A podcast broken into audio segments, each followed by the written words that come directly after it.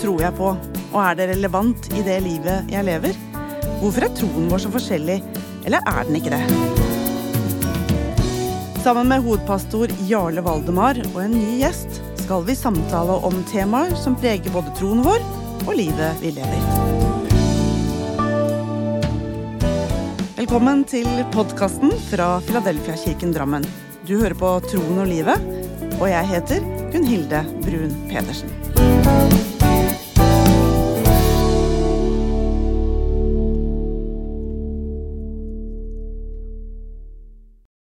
Velkommen til oss, da. Podkasten fra Filadelfia-kirken i Drammen. Og i dag sitter jeg her med P. Søtorp og Jarle Valdemar.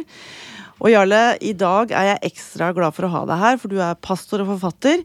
Og jeg trenger en pastor til å snakke om tro og tvil. Ja, og det er et tema som jeg er òg opptatt av. Det å kunne snakke sant om livet. Eh, at det er lov å snakke om både de gode, de positive opplevelsene, men òg sår, skuffelser og frustrasjoner som vi opplever i livet. Jeg tenker, Snakk sant om livet. Det er tilhenger av. Det er vi kanskje ikke så flinke til, vi kristne. Men uh, P. Søtorp, du har uh, laget eller skrevet en veldig fin bok. Jeg har lest den. 'Kommer ikke far mer'. Og hvis jeg skal si, eh, presentere deg, så vil jeg jo si at du var 80-90-tallets store lovsangstjerne. Mm. Nå forfatter, og så jobber du eh, med å få folk ut i arbeid. Enkelt og greit? Ja, jeg jobber på et eh, tiltak for Nav som heter arbeidsrettet rehabilitering. Så jeg er blitt veileder da, og jobber mye med psykisk helse. Ja. Mm. Det høres ut som det er et stykke vei fra lovsang?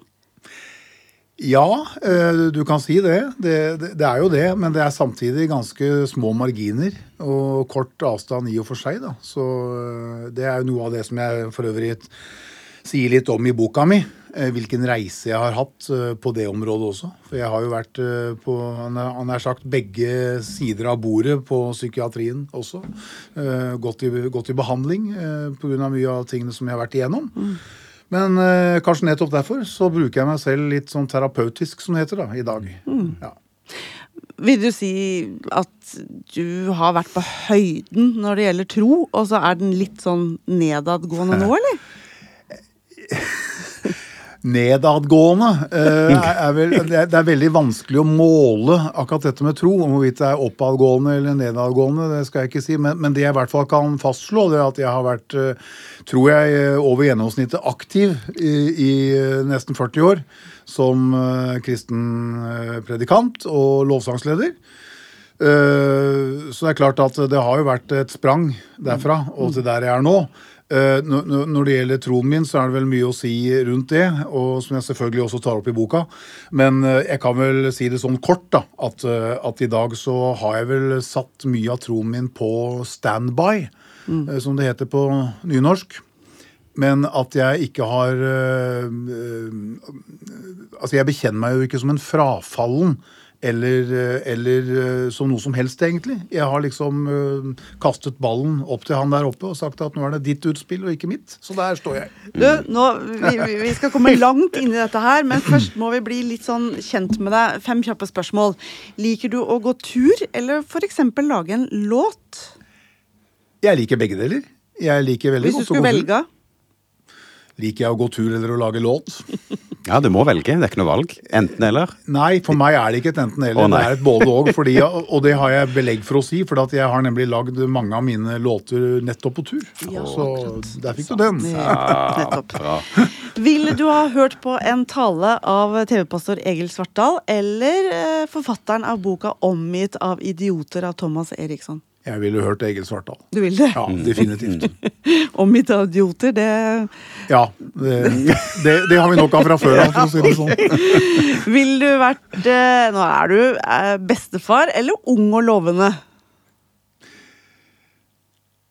Jeg trives veldig godt som bestefar, altså. Jeg må si det. Så det er jo et hypotetisk spørsmål, for ung og lovende blir jeg nok aldri en gang til. Så, Nei, mm. Du har vært det. Jeg har vært ja, det. Storband eller countrykonsert? Storband. Ja, det var opplagt, for du mm. spiller jo horn. Jeg spiller i storband. Mm. Ja, du gjør det, vet du. Eh, ferie i Norge eller i utlandet? Nå er det bare halvannen uke til vi skal til Kreta, så jeg må vel kanskje si akkurat nå, da, eh, utlandet. Men jeg er glad i Norge. Det er det.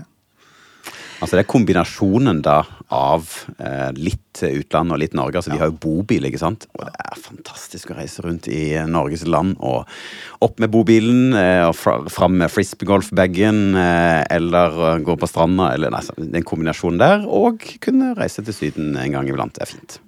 Ja, det er kombinasjonen. Det er deilig, det. Ok, Per Søtorp. Skrevet en bok som tar et oppgjør med trosbevegelsen og pinsevenner. Og det høres ut som du har hatt noen krevende år. Hva, hva handler dette egentlig om? Jeg føler vel, øh, hvis jeg skal svare konkret på det spørsmålet, at øh, det handler dypest sett mest om meg selv og min egen evne til å uh, takle og håndtere og tilpasse meg til alle de situasjonene jeg har vært i.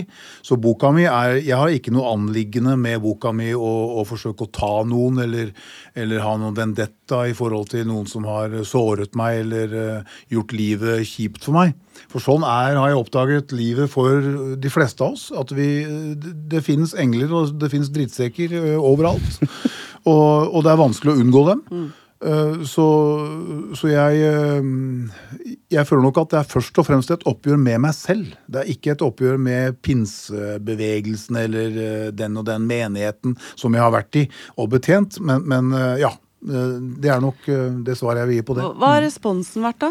Er det noen som har blitt sinte på deg, eller er det noen som har takka deg? Det er definitivt flest som har både takket meg og vendt tommel opp. Og det er jeg helt ærlig positivt overrasket over. For jeg var forberedt mm. på at her kommer det til å bli reaksjoner og bølger.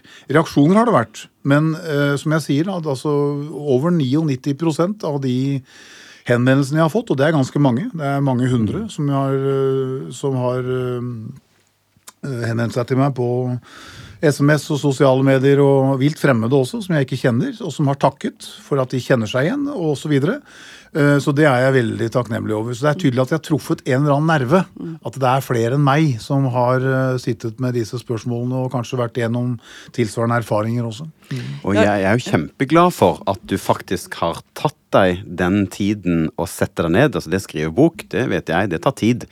Men at du på en måte velger å utbrodere både de gode og de litt krevende sidene, sette ord på det. For det blir jo ofte slik i kristen sammenheng at det er liksom bare de gode manifestasjonene eller på en måte de gode opplevelsene, de gode historiene. Det er jo det som skaper tro, kan man tenke. Men, men da blir det litt fattig.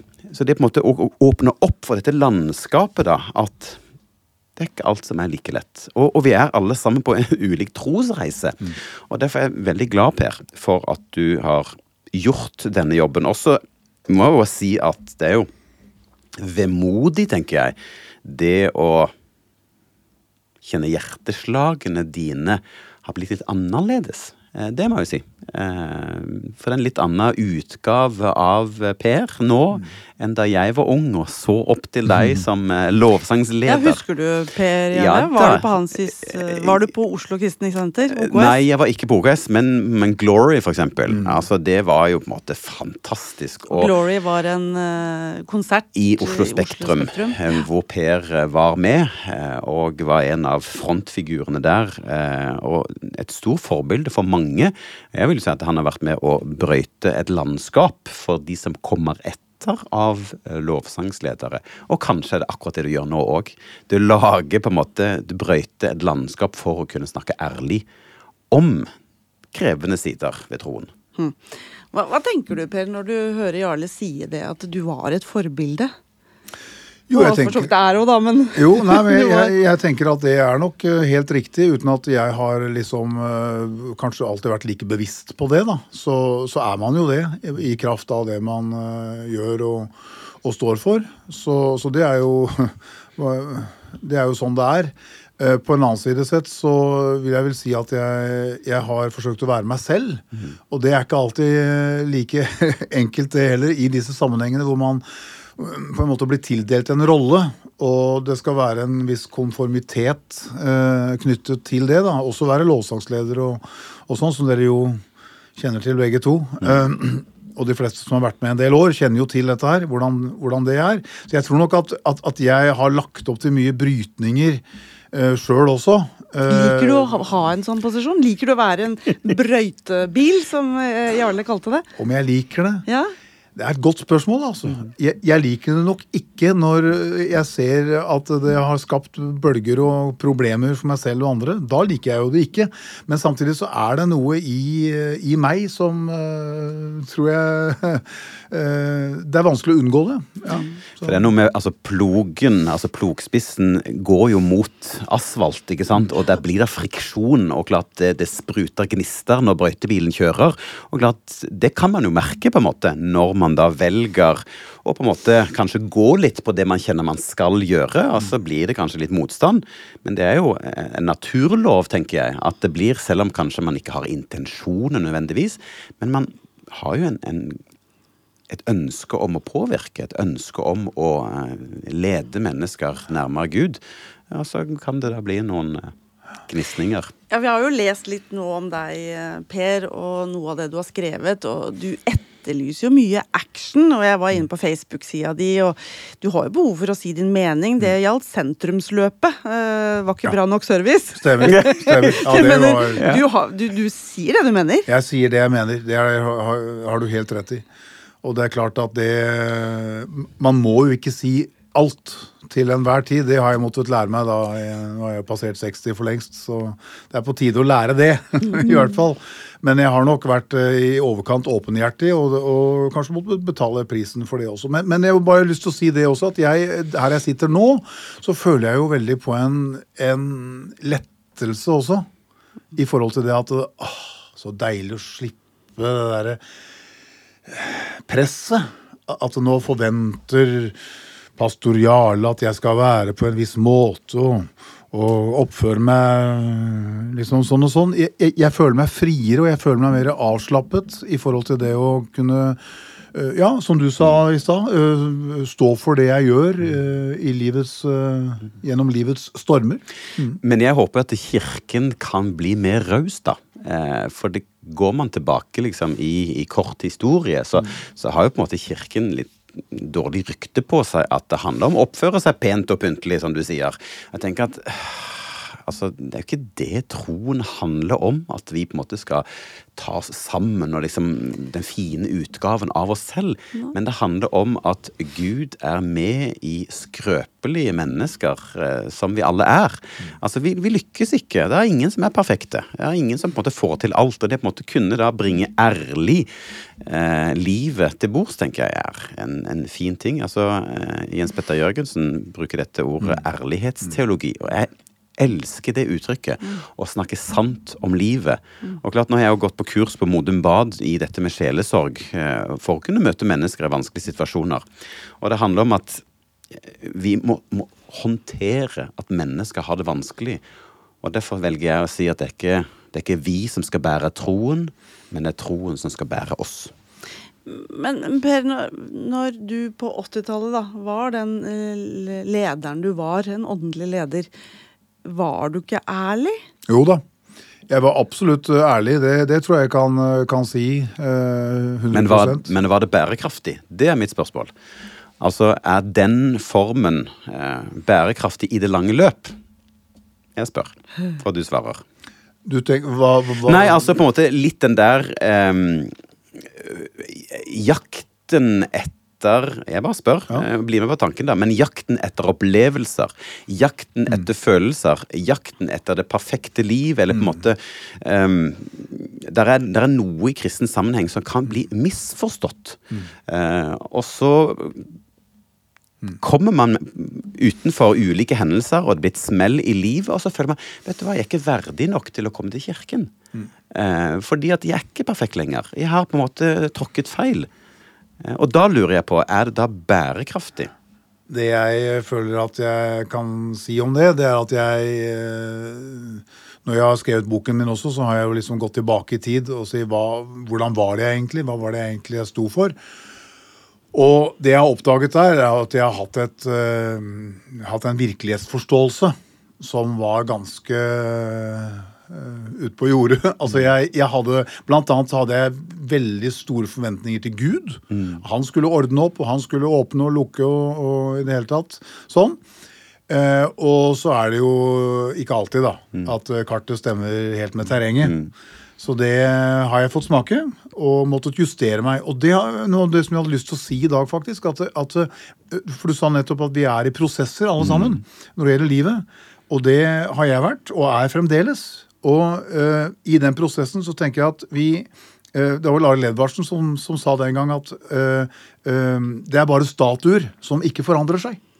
Ja, ikke sant? sant? Mm. Altså, Vi er alle i forandring. Mm. Og sånn sett så, så, ber ikke jeg om unnskyldning for akkurat det. At ja, nå har jeg endret meg. Mm. Ikke bare teologisk og, og sånn med meninger, men, men, jeg merker at jeg har modnet også, og blitt uh, kanskje en litt annen enn den jeg er. Eller har vært, mener jeg. Mm. Ja, men, men er, du, er, du, mest skuffa, skuffa på Gud eller mennesker? Jeg er Hvis jeg skal svare helt ærlig på det, det er jo nesten som å banne i kjerka, bokstavelig talt, for nå er jeg jo i kjerka. nesten. Ja. Men, men, men, men, eh, jeg er nok egentlig mest skuffa på Gud, ja. Jeg er det. Og da har jeg tenkt på en ting, Per. Fordi jeg tenker også at du er veldig privilegert på hva du har opplevd med Gud. For når vi leser boka di Altså, jeg var ungdom da du holdt på, for å si det sånn. Eh, og boka di forteller jo om eh, mange konferanser du er med på eh, i Norge, men egentlig over hele verden. Du ble kjent med de store gutta og spiste kirsebær med de. Du har sett helbredelser. Du har fått bønnesvar.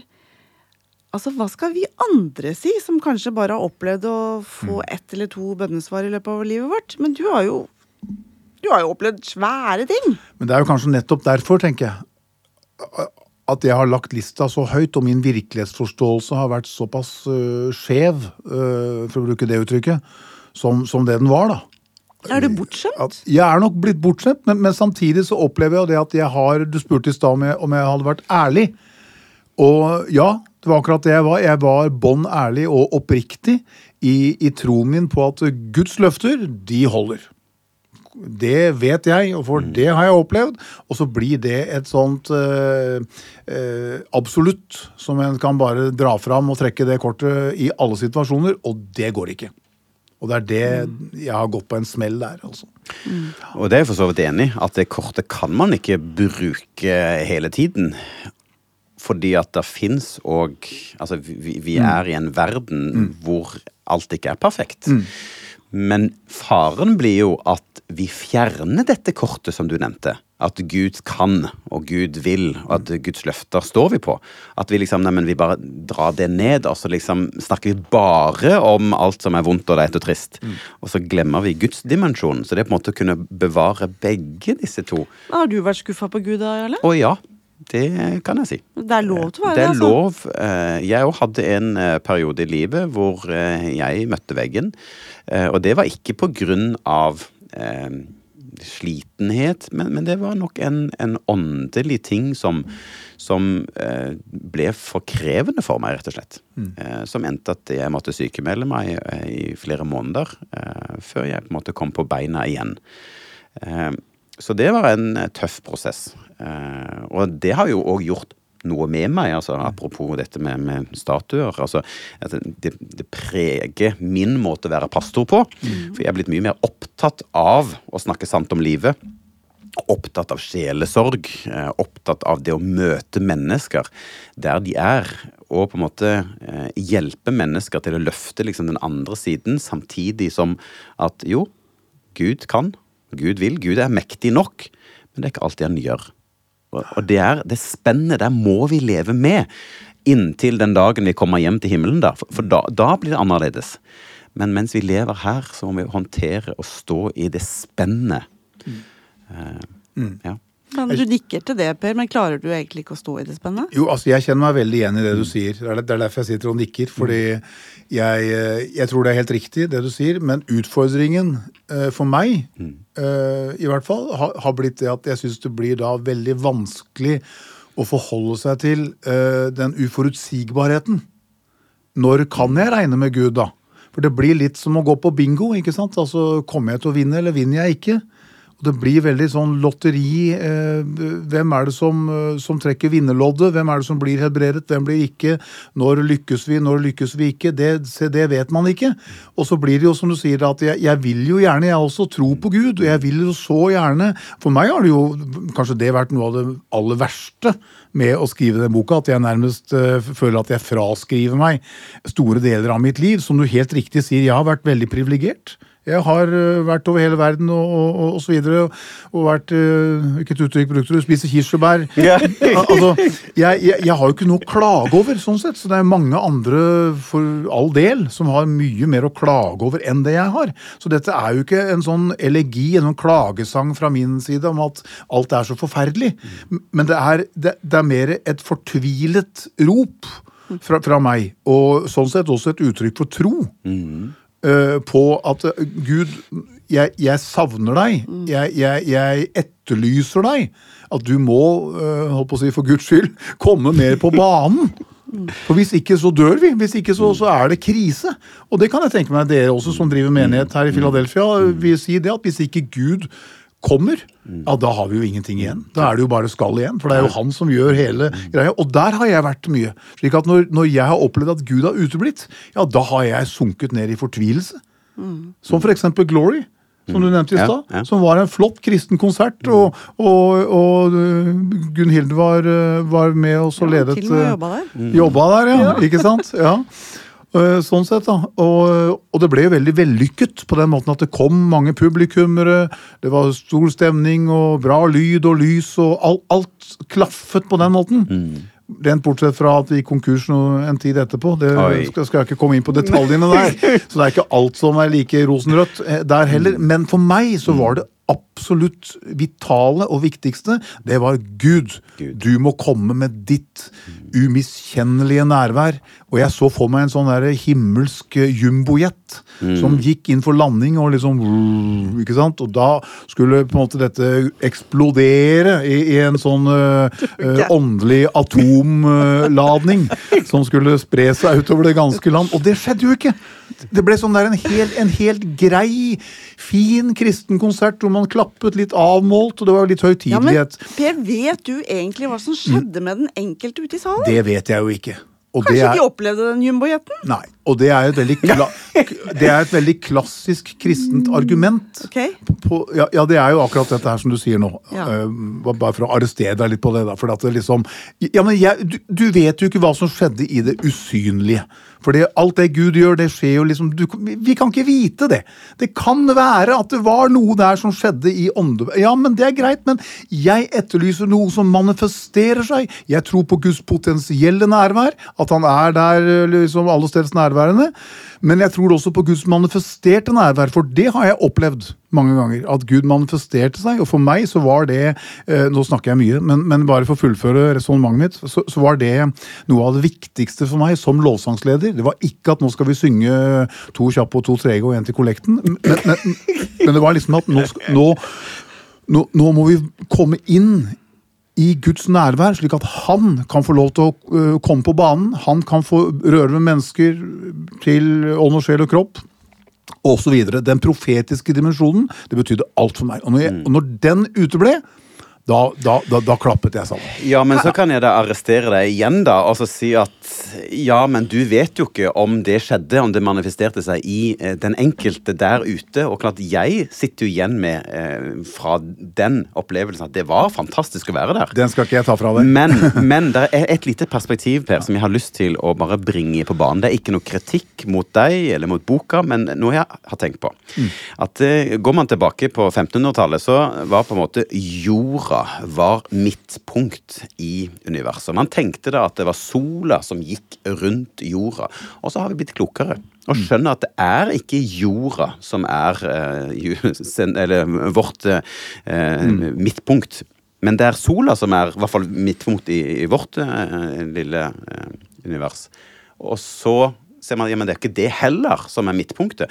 Og det er det paradigmeskiftet, da. Altså fra at jeg er midtpunkt, til at det er Gud mm. som er midtpunkt. For det er lett å tenke 'what's in it for me'? Altså, hva er dette her for meg? Altså, hva kan jeg få ut av dette? Hvordan kan jeg møte Gud? Hvordan kan Gud komme og berøre meg? Og så blir det at jeg blir midtpunktet.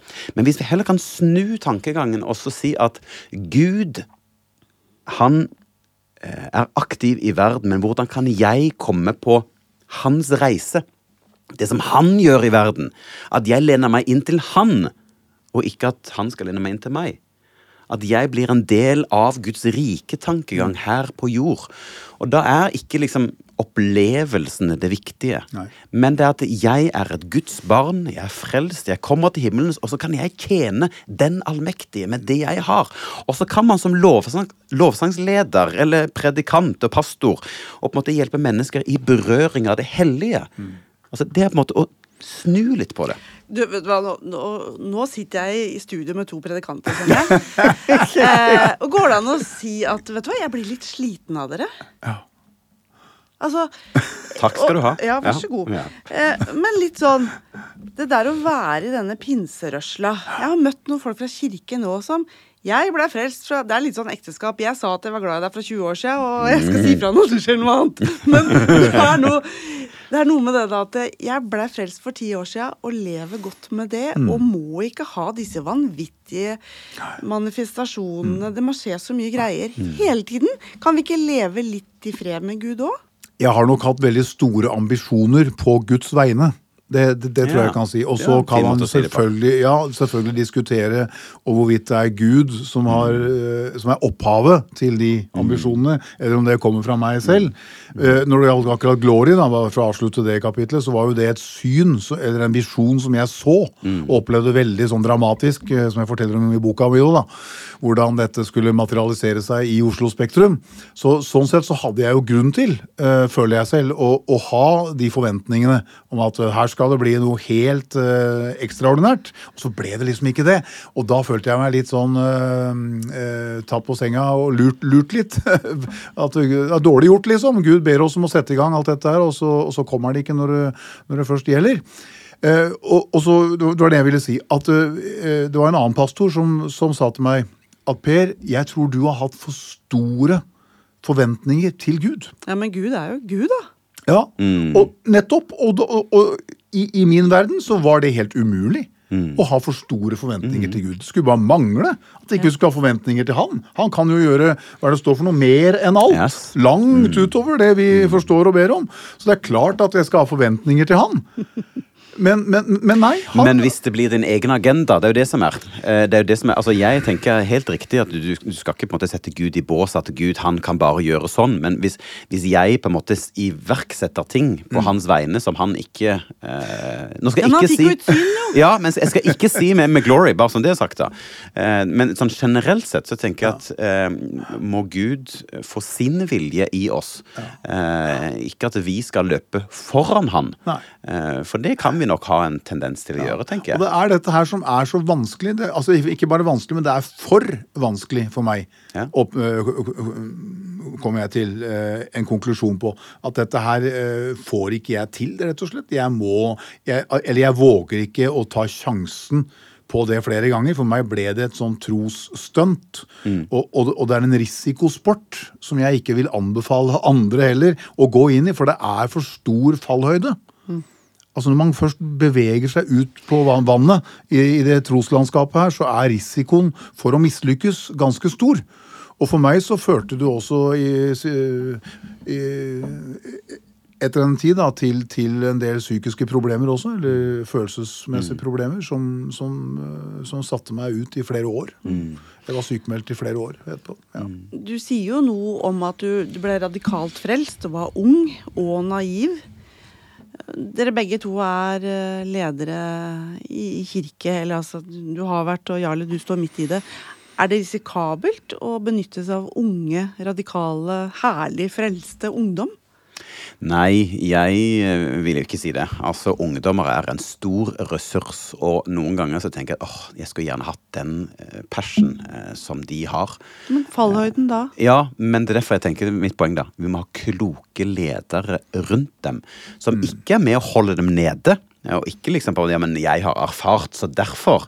Men det å på en måte være gode mødre og fedre, for å si det sånn, og kunne hjelpe dem på en god reise og gå sammen med ungdom. Fordi at eh, de har så mye gode initiativ, gode tanker. Men klart, hvis det er vi som fyrer dem opp og på en måte sender dem foran oss, så tenker jeg at ja, det vet jeg ikke om er det klokeste. Men i hvert fall for kirken vår så er det viktig at vi lar unge få lov til å prøve seg og feile og prøve og reise seg opp igjen. eh, Og kunne få lov til å bruke det Gud har gitt dem.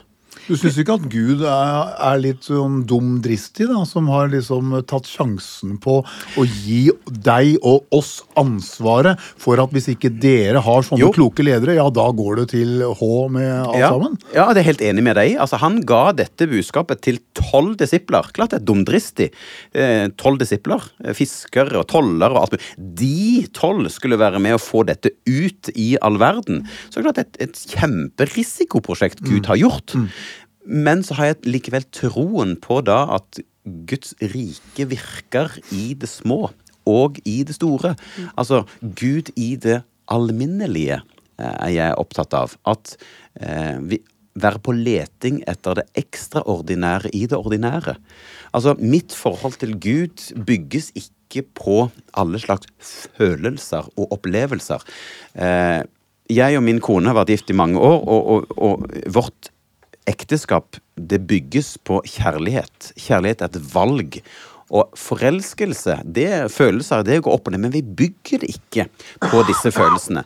Og det jeg tenker at det å på en måte ha et sånn et sunt, altså bærekraftig tro, eh, som på en måte Ja, men jeg har valgt å tro, og noen ganger så skjønner jeg ikke Gud. Nei, jeg gjør ikke det. Jeg, jeg, jeg skjønner ikke hvorfor ikke Gud- griper inn når vi ber for syke. Jeg skjønner ikke hvorfor ikke Gud gir svar når jeg ber han om det. Det er jo kjempelett for han å gjøre det. Men han gjør det ikke. Men likevel så velger jeg å tro. Og det er der jeg tenker tiltro til Gud i det alminnelige. Per, kunne du tenkt deg å vært en sånn åndelig far for unge yplinger? I dag så vet jeg ikke om jeg kunne, kunne det. Og det er jo som jeg sa nettopp fordi at jeg, jeg, jeg føler heller et større ansvar for å advare, eller, eller øh, På bakgrunn av det jeg sjøl har vært med på, så kan jeg ikke lenger anbefale, rett og slett. Og, og, og i hvert fall ikke på den måten jeg gjorde det. Øh, Gå ut i tro på vannet. Det, det, det kan jeg ikke. Så Ja, for det, er jo- det er jo der jeg på en måte som pastor da har lyst til å hjelpe mennesker til å gå i tro, men ikke i dumdristighet. Eh, For jeg tenker at Gud har jo òg gitt oss et hode eh, og hender. Altså på en måte det å kunne bruke det vi har med hendene, men òg å Ok, hvis Gud gir meg en crazy idé, altså er dette fra Gud? Eh, Det kan hende at det er Gud, og så har vi selv lagt på masse. Men, men jeg vil jo ikke at folk skal bli værende igjen på stranda og sitte rundt bål og bare sitte der. Altså, Min oppgave er jo at ok, Gud han er aktiv levende Gud som ønsker en personlig relasjon med deg. Og han ber deg om å gå på vannet. Altså, stol på meg, eh, sier han jo. Eh, Onkel Peter også, han velger jo å gå på vannet, eh, men han synker jo. Og det er jo der Jesus på en måte kommer, for det er han som skal gjøre dette. Og det jeg. Men jeg er veldig enig med deg, Jarle, i, i det du sier. altså at øh, den, den relasjonen, da. Det er, jo, det er jo en tillitsrelasjon som øh, Altså at vi har lov til å si, også som kristne, at jeg forstår ikke, men, men jeg bør ikke, vi bør ikke flytte fra hverandre for det. Mm. Det er litt sånn som et ekteskap. Jeg har vært gift i 42 år nå, og det er klart at, øh, at øh, øh, hvis jeg skal dra en sammenligning, sammenligning mellom det og det og, og mitt gudsforhold, så er jeg vel der nå Jeg sa i stad at jeg har vært- satt på standby. Og det mente jeg, for at jeg, jeg, jeg har på en måte tatt en Altså, det er ingen skilsmisse med Gud, det som jeg skriver om i boka der. Det er mer en øh, uønsket separasjon, hvis jeg kan få si det sånn, da. Ja. En ufri, ufrivillig Ja. eh, separasjon. Altså, Det har bare skjedd, og, og, og det er ikke for at jeg har hatt noe ønske om å distansere meg. Det er heller det motsatte. Jeg ønsker å, å forstå, men jeg opplever at og, og sånn sett så utfordrer jeg Gud på at Gud, nå er det du som sitter med ballen, det er ikke jeg. Så jeg har gjort sånn. Kasta ballen til han. Og så øh, forventer jeg faktisk, øh, tror jeg, At han skal på en eller annen måte komme meg i møte og kaste den ballen tilbake. Ja, og det er da mitt motsvar, eller motspørsmål egentlig, altså Med den måten, altså setter vi Gud i bås, på en måte. At jeg forventer at Gud skal svare akkurat på den måten. Eh, for det er den måten jeg trenger å bli møtt på. Eh, Jeg spør, eh, har vi òg gjort kirke for smal og for liten? Fordi at vi, vi forventer at det skal være akkurat innafor det, og hvis det ikke er det, så er det ikke noe der for meg å gjøre. Altså Blir vi for selektive? Handler det om meg?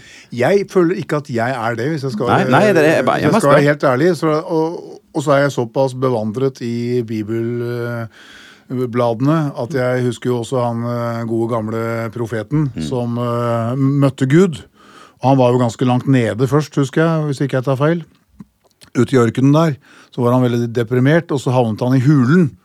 Og så kom det en storm, gjorde det ikke det? Og så kom det torden og lynnedslag. Men Gud var ikke i stormen. Og så står det Gud kom i den stille susen. Så jeg vet også det, Jarle, at Gud kan komme på mange måter. Og jeg er sånn sett likegyldig til hvordan han ønsker å møte meg eller tale, få meg i tale. Og det har jeg også lyst til å si. Det er mange ting her. Men, jo, men, men jeg, jeg tenkte på det i stad, at, at, øh, jeg har sagt det til Gud flere ganger, at sannsynligheten er veldig stor for at det er jeg, nok en gang, som har misforstått et eller annet. Det er noe vesentlig som jeg ikke har fått med meg. Så, I den kristne tro, i, tenker du? I denne historien som, som vi snakker om nå, dette at jeg har havnet på det stedet jeg er, Mm. øh, litt sånn på venterommet, på venteværelset og standby. Jeg, jeg er ikke aktiv lenger, og det er en grunn til det. Mm. Ja. Og det er i det svevet som jeg har sagt til Gud at eh, du må ha meg unnskyldt, men jeg trenger en bedre forklaring. Jeg, jeg trenger at du taler til meg. Men hva om han inviterer deg til å komme litt ut på vannet, da? At du, du, per, du sitter nå rundt dette bålet, men, men kom ut. Gå, da. Gå da vel. Altså, det handler om, tenker jeg, da, å oppsøke muligheter for at Gud kan berøre deg. I om det er i naturen, eller om at det er gjennom eh, andre mennesker, eller om det er Guds ord, eller om at det er i gudstjeneste. Altså, utsetter du deg selv for at Gud kan på en måte komme til deg? Altså Akkurat nå, i snakkende stund, så befinner jeg meg i Philadelphia-menigheten i Drammen. Og jeg har blitt invitert hit, men det begynte ikke der. Det begynte med at jeg tok et initiativ og tok kontakt med Gunn-Hilde. Og deretter med deg, Jarle, og så hadde vi en samtale. Så jeg, Bare som et eksempel på at jeg er jo ikke redd Nei, for å flott. oppsøke, s- snakke med dere. Og det syns jeg, vice versa. Det, du er heller ikke redd for å snakke om disse tingene. Dere opplever dere ikke truet, og det syns jeg er så fint. For da kan vi ha en god samtale om disse tingene. Eh, Lik, likebyrd, eh, jevnbyrdig, Ja. likeverdig. Eh, Og det, det setter jeg veldig pris på. Men Jarle, vi, Ja. det, dere er jo morsomme og herlige å høre på. eh, og vi går mot slutten. Men, men Jarle, er det ikke Er det lov å ta en pause fra Gud? Er det lov å si at jeg er litt sliten av det livet jeg har levd og vært så Ja, innmari på men uke? der, der vil jeg si det er to forskjellige ting du spør om, egentlig. Pause fra Gud, eller pause fra på en måte et, et oppgave, et liv med Gud. Altså, ehm, jeg er jo opptatt av eh, det å kunne være en kristen, ikke det å gjøre eh, en kristendom, for å si det sånn. Altså Martha og Maria-historien i Bibelen, hvor Martha løper rundt og stresser, men Maria setter seg ned ved Jesu føtter. Og Jesus sier, du, se på Maria. Og akkurat den der glemmer vi så ofte. Det å faktisk bare være. Apropos sunn og bærekraftig tro. Det å kunne si, vet du hva, nå orker jeg ikke dette løper lenger. Gud, du må komme. Du må gjøre dette. Altså, jeg tror på deg, men jeg orker ikke å på en måte lese Bibel. Det er greit. Jeg orker ikke gå på møter. Det er greit. Selv om jeg som pastor gjerne skulle ønske at folk kom på møter for å få påfyll. Eh, og når livet er vanskelig. Men, men det er noe med at hva pause fra? Fordi at jeg tenker at jeg er Guds barn, og det kan ingen ta fra meg. Men det er ikke noen forpliktelser i å være Guds barn. Det er bare å sette seg ned ved Jesus og være hos han. Og så vil han, når vi sitter sammen med Jesus, så vil han, du, vet du hva, nå er det på tide å løpe igjen. Men det er lov å sette seg ned, slik som Per egentlig gjør, tenker jeg. Og liksom tenke at, vet du, nå, da setter jeg meg ned her og, og hviler litt. Grann. Ja, hvil i Guds nåde, Per. Opplever du, Per, at du fortsatt er Guds barn? Og at du kan hvile? Jeg sa i stad at eh, det jeg har skrevet om i boka her, er et, eh, et rop til Gud. Og det står jeg fast ved. Fordi at det er sånn sett et uttrykk for min tro og tillit til Gud. At Gud tåler meg. Han tåler mine spørsmål, han Ja. tåler min tvil osv. Han øh, Selv om kanskje ikke mennesker gjør det, så gjør han det. Og det, det, er, den, altså det er en del av mitt uh, gudsbilde som jeg alltid har hatt. Jeg er glad for å si det, for Ja, det sier Gud- noe om det som ligger på innsiden. her. Gud har veldig mye større takhøyde enn oss mennesker mange ganger, og det, det har jeg tatt med meg. Så det, jeg har ikke sånn sett et, et, et dårlig bilde av Gud, men, men det er noe som ikke stemmer for meg. Som jeg ikke får til å stemme, i hvert fall. Eh, og det er det- dette at hvorfor, hvorfor er han ikke mer på banen når han har gått ut så høyt, så mange som Guds løfter er? Bibelen er full av det. Jeg kan dem utenat. Jeg behøver ikke å slå opp i Bibelen. Jeg har dem i meg. Uh, Og ennå- takk, takk Ja. for du spør de spørsmålene. Og det trenger vi. Men, ja, ja da, men, men, men, altså jeg, jeg øh, Om jeg er et Guds barn jeg, jeg har i hvert fall ikke falt fra noe som, som, jeg, har, øh, som jeg er bevisst selv. Jeg har ikke gått bort fra og sagt at nå tror jeg ikke lenger, eller nå er jeg ikke kristen lenger. Men en ting til jeg har lyst til å bare kommentere til det du sier, Ja. at det er bare å hvile og slappe av og være Guds barn. Dette er jo store temaer, og vi, vi rekker jo ikke alt nå. Men, men, altså, Bibelen går jo mye dypere enn det, og sier f.eks. at, eh, at eh, eh, tro uten gjerninger, det er en død tro. Og den som vil komme etter meg, sier Jesus, han må ta opp sitt kors, han må følge meg, han må fornekte, han må øh, følge etter, han må vitne, han må Altså, det er så mange må.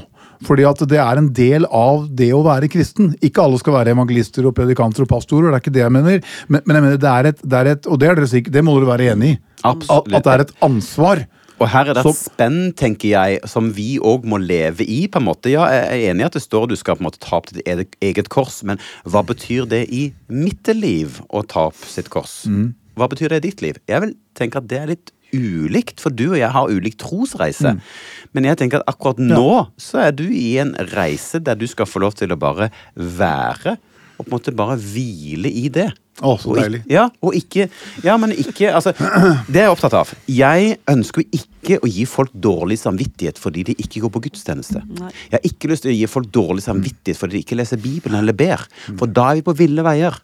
For det, er, det må komme innenfra. Eller på en måte Gud må på en måte komme i oss og skape en lyst. Har du ikke den lysten, nei, men greit. Helt greit. Du er elsket likevel. Du Jeg er tror vi- Guds barn likevel. Jeg tror vi trenger sånne demagoger som deg til å, til å forklare oss dette, for det er ikke selvfølgeligheter. Det er ganske vanskelige ting. Du, Da avslutter vi litt med det.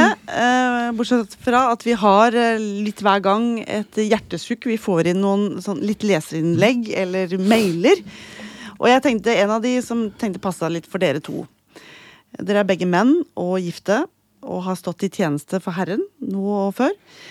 Og da er det en som skriver til oss. Hei, jeg er godt gift og har to små barn, men nå er jeg sliten. Min mann er mye ute i Guds ærend. Det er jobb og avtaler nesten døgnet rundt, i alle fall føles det slik. Men jeg har ikke samvittighet til å slåss mot Guds kall og arbeidsoppgaver. Er det riktig av meg å føle slik, og hva kan jeg gjøre for å samle familien før den går i stykker? Hmm. eller du er midt i det. Du har eh, tenåringsbarn Ja. og pastor. Hva sier du? Ja, dette gjør jo vondt å høre. Eh, altså her er Her er ikke alt på plass, og vi har jo hatt noen sånne runder hos oss. Forklart eh, Før jeg begynte som pastor, så reiste jeg rundt som forkynner eh, for barn og familie. Og var mye ute på tur. eh, Og eh, valgte å reise på tur fordi dette du kjente at det var meningsløst og sånn. Men eh, Nei, meningsfullt. det var meningsfullt å på en måte forkynne Guds ord. Det er ingenting som er bedre enn å på en måte være der Gud vil ha deg. Men så tenker jeg at man kan bli litt blind når man står i et kall. Og jeg tenker at vi må ta vare på det næreste vi har fått, vår egen familie. At det ikke blir usunt. Altså det å sette noen rammer for livet og rammer for tjenesten er kjempeviktig. Så her tenker jeg at eh, denne unge kvinnen må eh, få noen å prate med. Først noen som kan på en måte være med og gi noen eh, ærlige perspektiver. Eh, og så må disse to, eh, mann og kvinne, da snakke sammen, gjerne med noen tredjeperson, og lytte inn. For dette hørtes ikke bærekraftig ut. Kan jeg få komme med en liten kommentar? Ja. Jeg, jeg kjenner jo selvfølgelig ikke denne mannen og heller ikke denne kvinnen her, men, men, men jeg kan kjenne meg litt igjen, tror jeg, som øh, når du leste dette, at han er ute i Guds ærend. Ja. Fordi øh, det er jo noe av det som jeg øh, ønsker å, å på en måte påpeke og advare imot, som ikke jeg kan anbefale i hvert fall, det er nettopp noe av det som Jesus også sier, at om noen elsker far eller mor eller hustru eller barn høyere enn meg, så er han meg ikke verdt. Står det i Det nye testamentet. Jesus sier det. Man skal være aktiv på banen og sette Guds rike og Jesus først. Og det er jo en helt eh, vanlig eh, frase i kristen sammenheng. Vi skal sette Jesus først, og så kommer familien. Ikke sant? Så Sånn sett så kan jeg kjenne meg igjen i kanskje det som er hans drivkraft også, nemlig at ja, men jeg følger jo bare Jesus, så da får jo Gud ta hånd om eh, kona mi. Og der er jeg helt enig med deg, Jarle. Man må selvfølgelig prioritere familien sin. Men, men, men jeg kan forstå rent sånn ut fra et kristent, radikalt utgangspunkt hvorfor han gjør det. Ja, for hvis vi setter Gud først, og så familie nummer to, okay, hvor kommer da familien? Kommer det liksom rett der, eller er det stor avstand mellom Gud og familien? Jeg skulle ønske at det var så tett opp som mulig. For klart, jeg tenker at vi er Guds barn, og det er vi først og fremst. Eh, men vi må òg ta, ta vare på familien, så avstand må heller ikke bli for stor. For da forsømmer vi oppdraget vårt i å være eh, ektefelle og eh, mødre og fedre. Jeg syns jo det er forferdelig trist. Eh, hvis jeg skal ta bladet litt fra munnen helt på tampen her, så, så, så kjenner jo jeg eh, dessverre altfor mange evangelister, pastorer, misjonærer, menighetsplantere, altså trofaste Herrens tjenere som har vært ivrige, og som er skilt i dag og har gått fra kona si, eller vis, eh, motsatt. Eh, Ektefellen har forlatt dem, nettopp pga. sånne situasjoner som dette her. Så det syns jeg er forferdelig trist. Ja, helt enig. Eh, og tilbake igjen til bærekraftig. Altså, vi må snakke om bærekraftig. For dette skal altså, tåle livet vårt med alle falsetter av, av hva det er. Så eh, fasetter. Mm. Da tror jeg vi sier takk, altså. Spennende å høre på dere. Dere er to tøffe karer, må jeg si. Her er det mye krutt. det er bra, Per og Jarle. Og har du eh, som har hørt på oss, tema eller personer du har lyst til å høre mer om, så send oss gjerne en mail på e-post post at philadelphiadrammen.no. Og likte du det du hørte, så del det gjerne på sosiale medier og spre det til andre. Så høres vi igjen.